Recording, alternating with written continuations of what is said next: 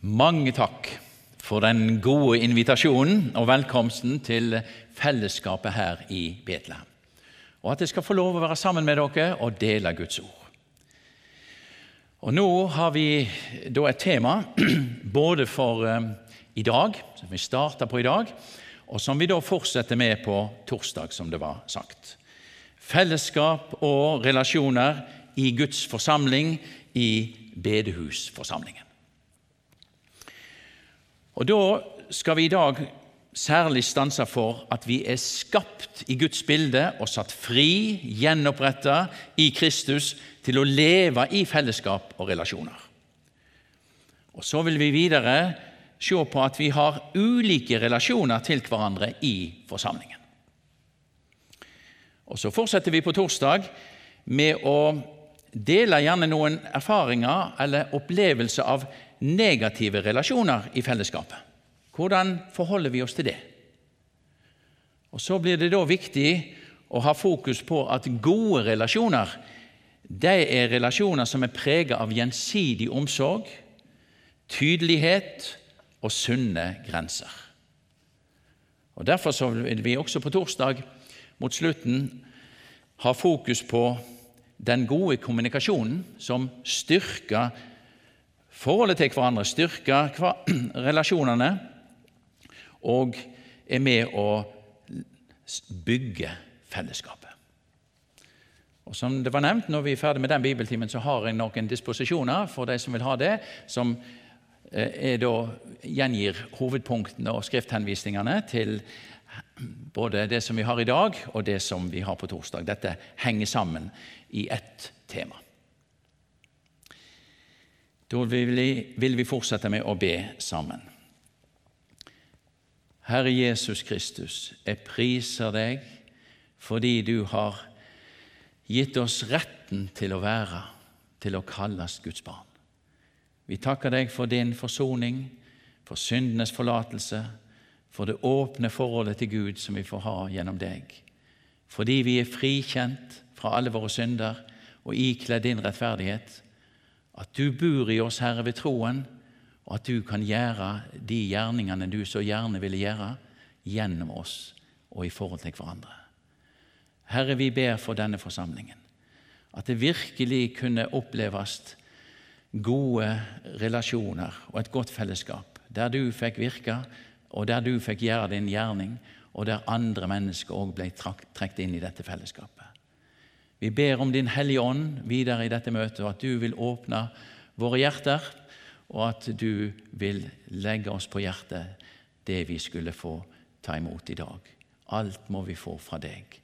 Amen.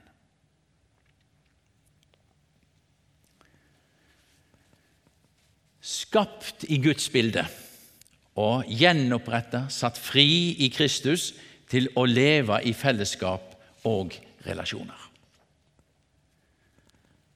Og Gud skapte mennesket i sitt bilde. I Guds bilde skapte han det. Til mann og kvinne skapte han dem, står det i Første Mosebok 1, 27. Vi er som mennesker skapt av Gud i Guds bilde til å leve i relasjoner og til å kommunisere i disse. Vi er skapt og satt i forhold til Gud i et jeg-du-forhold, der jeg skal få være undergitt Hans gode herredømme, Hans vilje og nådige omsorg. Og ut ifra det så er jeg skapt og satt i et forhold til meg sjøl, til min neste og til hele skaperverket, med forvalteransvar på Guds vegne. Guds stedlige representant på jord på den måten skapt til å være skapningen, skaperverkets forvalter og tjener, i vid forstand, slik som det kommer til uttrykk i 1. Mosebok 2,15. Og Gud tok mennesket og satte det eller satte han i Edens hage til å dyrke og vokte den. Til å dyrke, legge til rette for livsutfoldelse og vokte, ivareta og verne. Det er det Gud har satt oss til i skaperverkets hage. så er det jo en velkjent sak at de første menneskene gjorde opprør mot Gud og mot Hans uttalte vilje, med konsekvenser for hele menneskeslekten, ja, hele skaperverket.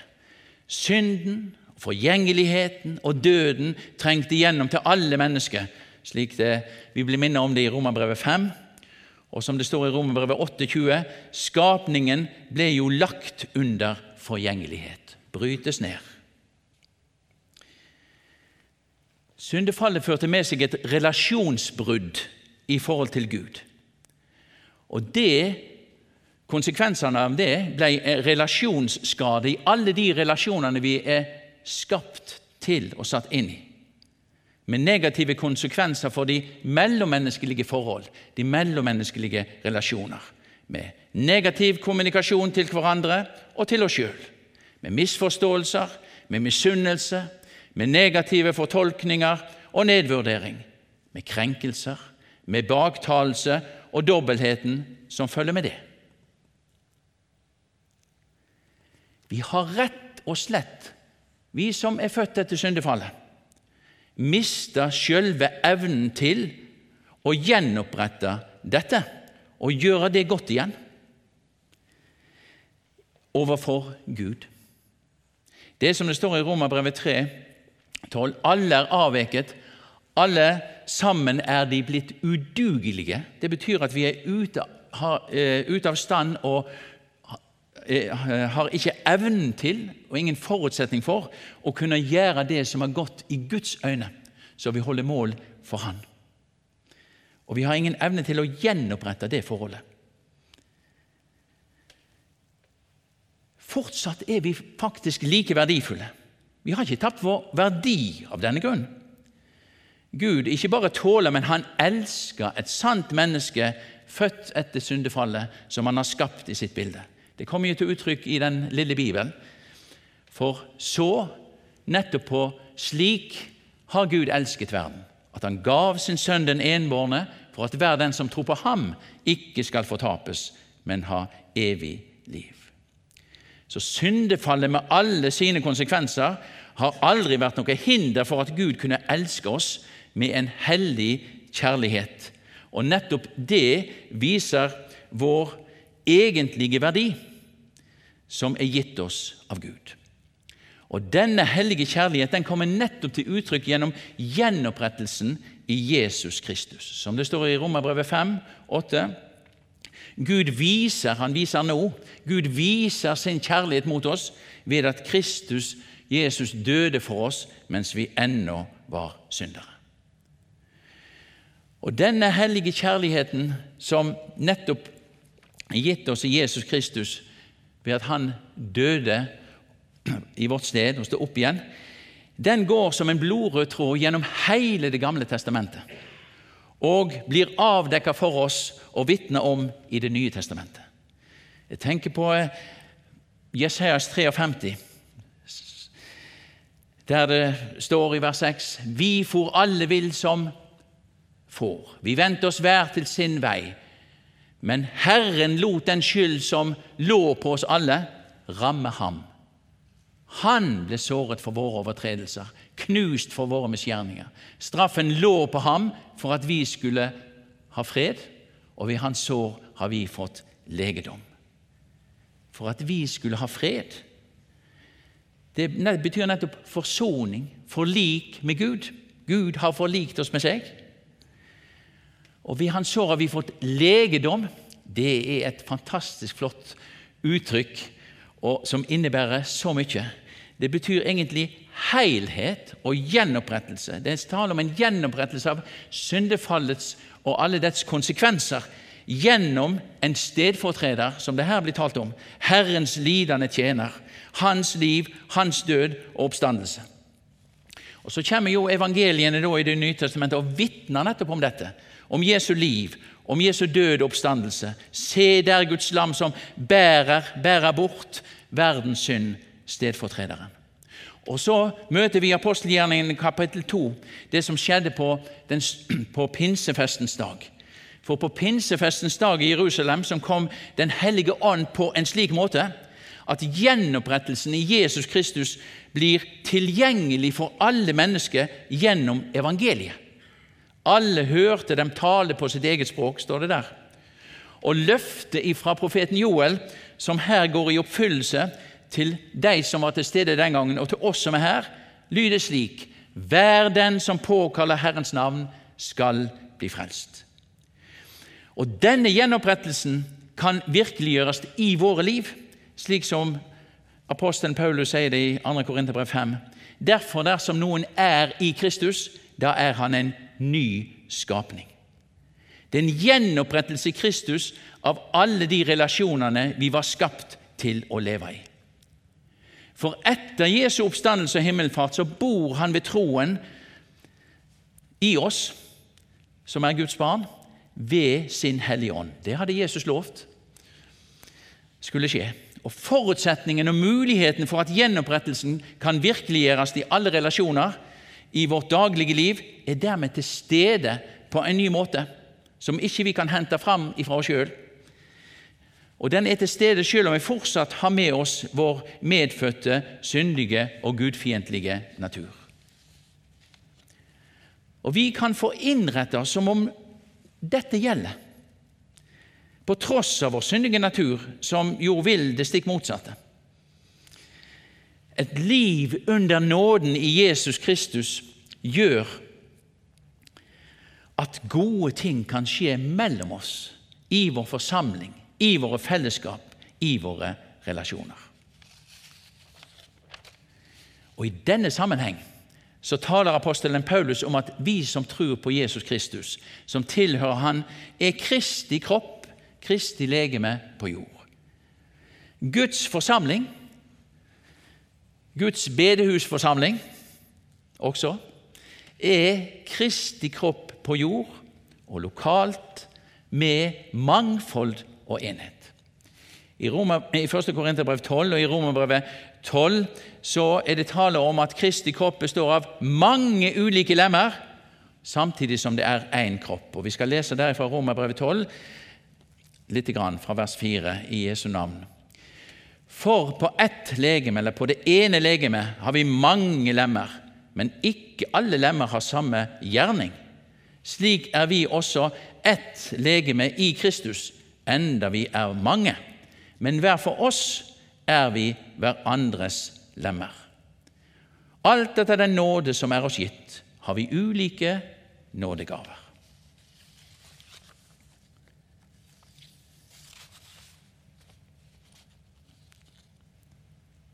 Hver for oss. Hva betyr det? Jo, det betyr slik vi er, ulike og forskjellige, er vi hverandres lemmer. Og Det betyr rett og slett at vi tilhører hverandre. Det betyr videre at gavene jeg har fått, og det jeg har, det skal hele tiden få ha fokus på de andre. Det er mange lemmer, hørte vi, men ikke alle lemmene har samme gjerning. Det betyr at vi har ikke samme ansvar og samme oppgave. Og Da er det faktisk også mye som jeg skal slippe å ta ansvar for. Og samtidig ikke se smått på det jeg har fått å tjene med, det jeg er spurt om å gjøre, og ikke tenke større om andre ting.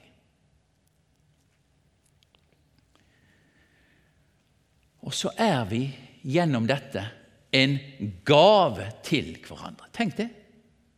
Du er en gave til de andre i fellesskapet, og de er en gave til deg. Og Da kan du jo tenke, og vi kan spørre, hva har jeg å gi de jeg møter og skal være sammen med? Jau, du skal få gi av deg sjøl det du har fått. Gi det gjennom ditt blikk, gjennom dine ord, gjennom din tilstedeværelse, gjennom din tjeneste. Akkurat slik som du er, som skapt i Guds bilde og elsket av Gud, så er du en gave fra Gud til de andre. Og de andre er en gave til deg. Og Vi skal fortjene hverandre slik vi er, og slik Den hellige ånd virker gjennom oss til gagn, til oppbyggelse og til hjelp for hverandre. Apostelen sier det slik i 1. Korinterbrev 12,7.: Hos hver enkelt gir Ånden seg til kjenne slik at det blir til gagn. Og Det betyr at en skal få være hånd, og en skal få være fot, og en skal få være øyne og øre og osv. Det er ulike tjenester. Noen har noe av det samme, men vi har alle fått noe ut ifra sånn som vi er skapt, og ut ifra det som Gud gir. Nådegaver, det Han gir i sin nåde, vi få, det vi skal få være og gjøre og si, på en slik måte at det blir til hjelp for og til gagn for de andre. Og Det er jo rett og slett velsignelsen det i forsamlingen, at vi kan få utfylle hverandre. Og Dermed kan vi òg rett og slett få lov å glede oss over hverandre, og glede oss over de andre, og takke for hverandre, og regne med hverandre, se hverandre, løfte hverandre fram, bekrefte hverandre. Ja, rett og slett få regne med at de andre har noe som de skal få lov å gi til meg.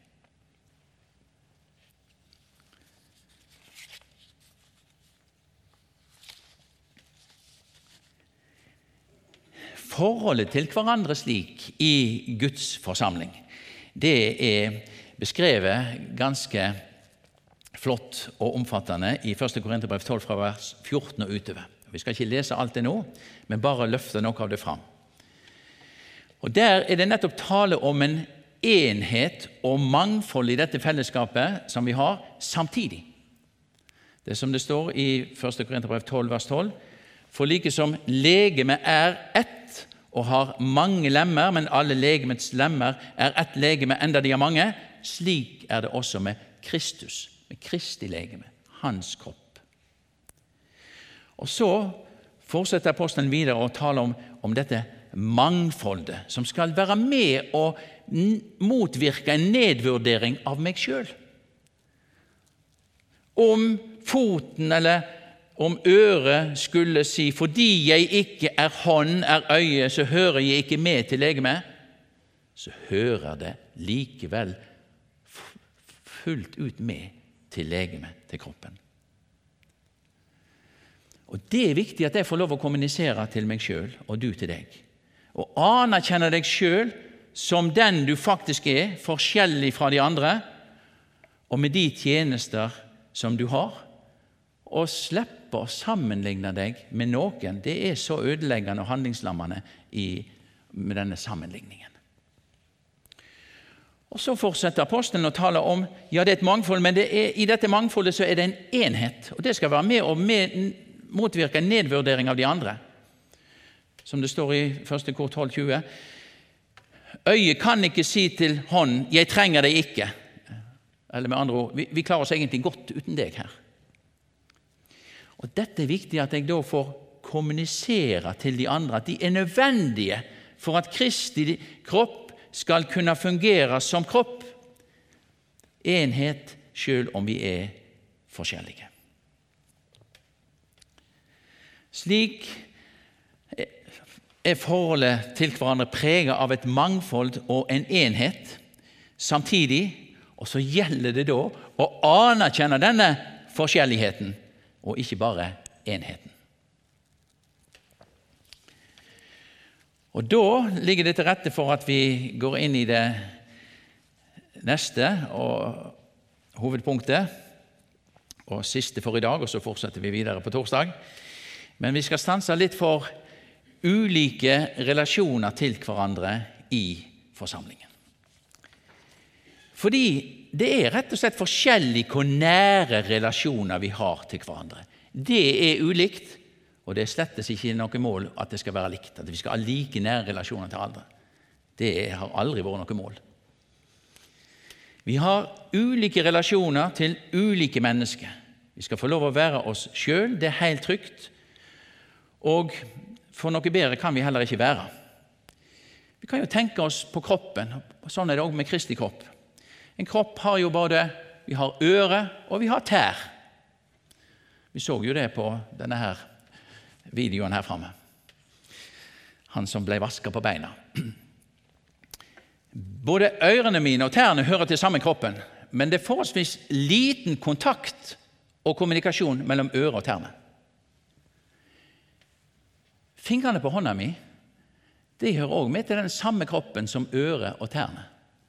Men det er mye kommunikasjon og masse kontakt og koordinering her mellom de ulike fingrene. på den hånden og den hånden.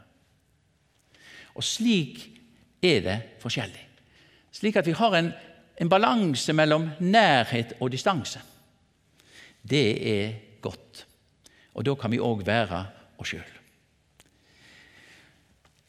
Men midt i dette så er det jo da slik at vi, har, vi er forskjellige mennesker i denne forsamlingen og i forskjellige livssituasjoner.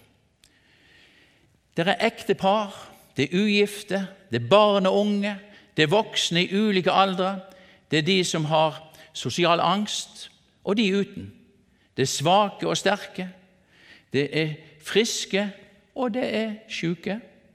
Også de som lir av psykisk sykdom, som ikke er noen skam.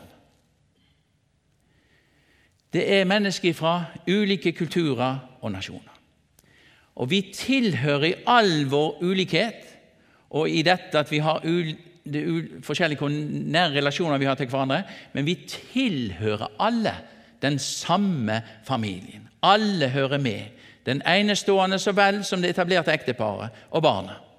Og så gjelder det for oss i vårt fellesskap og i vår forsamling at vi tar de praktiske konsekvensene av nettopp det i vårt arbeid og våre samvær. Ulike relasjoner, ja, har vi til hverandre, men det er noe som skal være det samme. Av samme kvalitet, samme omsorg for hverandre. Og Da leser vi litt mer i, i 1. Eh, Korinterbrev 12. Jeg skal lese fra vers 21 til 26. Øyet kan ikke si til hånden 'Jeg trenger deg ikke', eller hodet til føttene 'Jeg har ikke bruk for dere', men tvert imot. De lemmer på legemet som synes å være de svakeste, de er nødvendige. De lemmer som vi synes er mindre æreverd, dem kler vi med desto større ære, og dem som vi blyges ved, kler vi med desto større bluferdighet. Våre edlere lemmer trenger ikke til dette. Men Gud satte legemet slik sammen at han gav det ringeste størst ære i legemet, ære for at det ikke skal være splittelse i legemet, men lemmene har samme omsorg for hverandre. Om ett lem lider, da lider alle lemmene med. Om ett lem blir hedret, da gleder alle lemmene seg med. Dere er Kristi legeme, og hver for seg hans lemmer.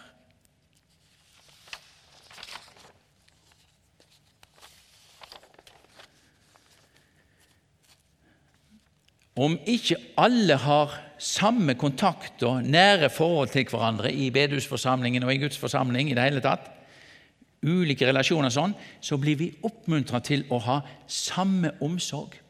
At omsorgen er av samme kvalitet. Samme omsorg for hverandre.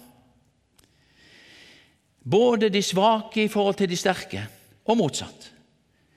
Være åpen for hverandre, ikke bygge murer, men sjøl få lov å bestemme avstand og grenser, og samtidig få se hverandre.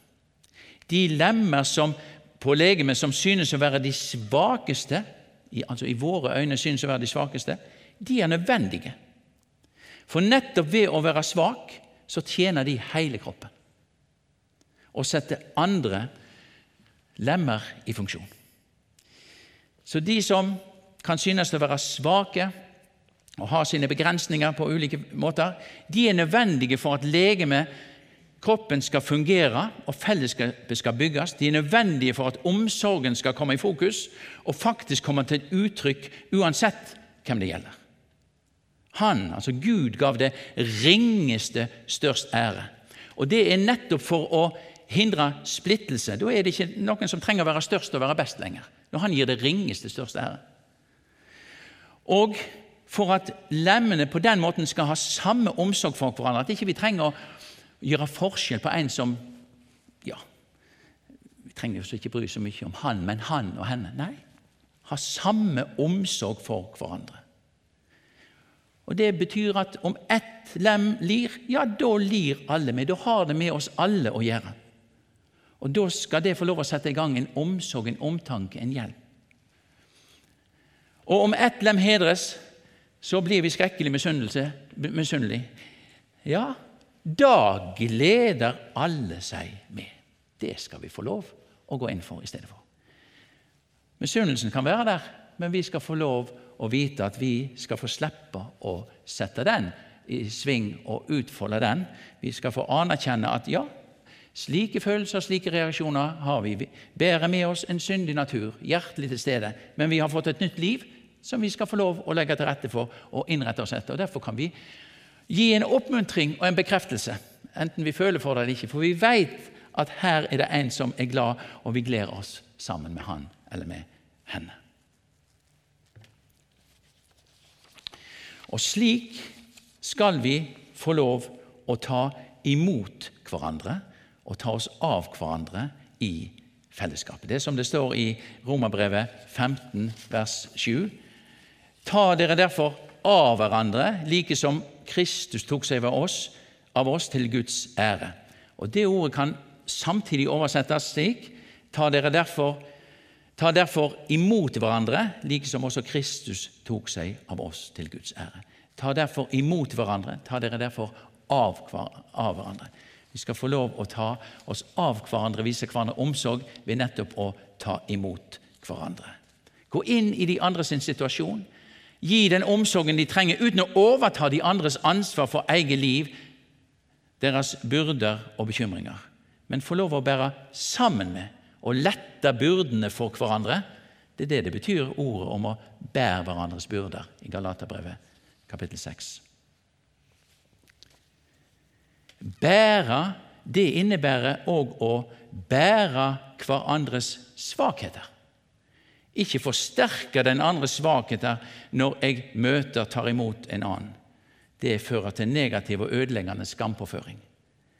Det er en tung bør, å bære på svakhet, bære på begrensninger, på kraftesløshet, ikke makta. Kanskje makta jeg før, men ikke nå. Er ikke jeg i stand til. Å kjenne seg som en belastning.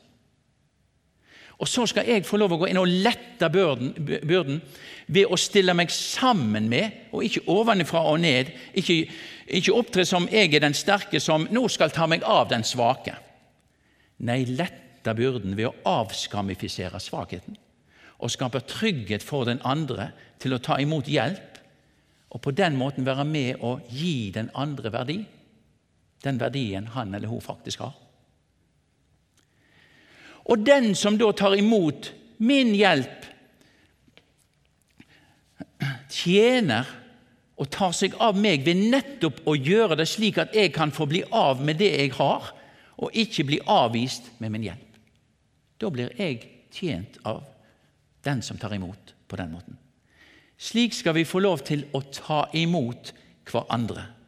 Gi hverandre hvile like som Kristus tok imot oss, til Guds ære. Amen.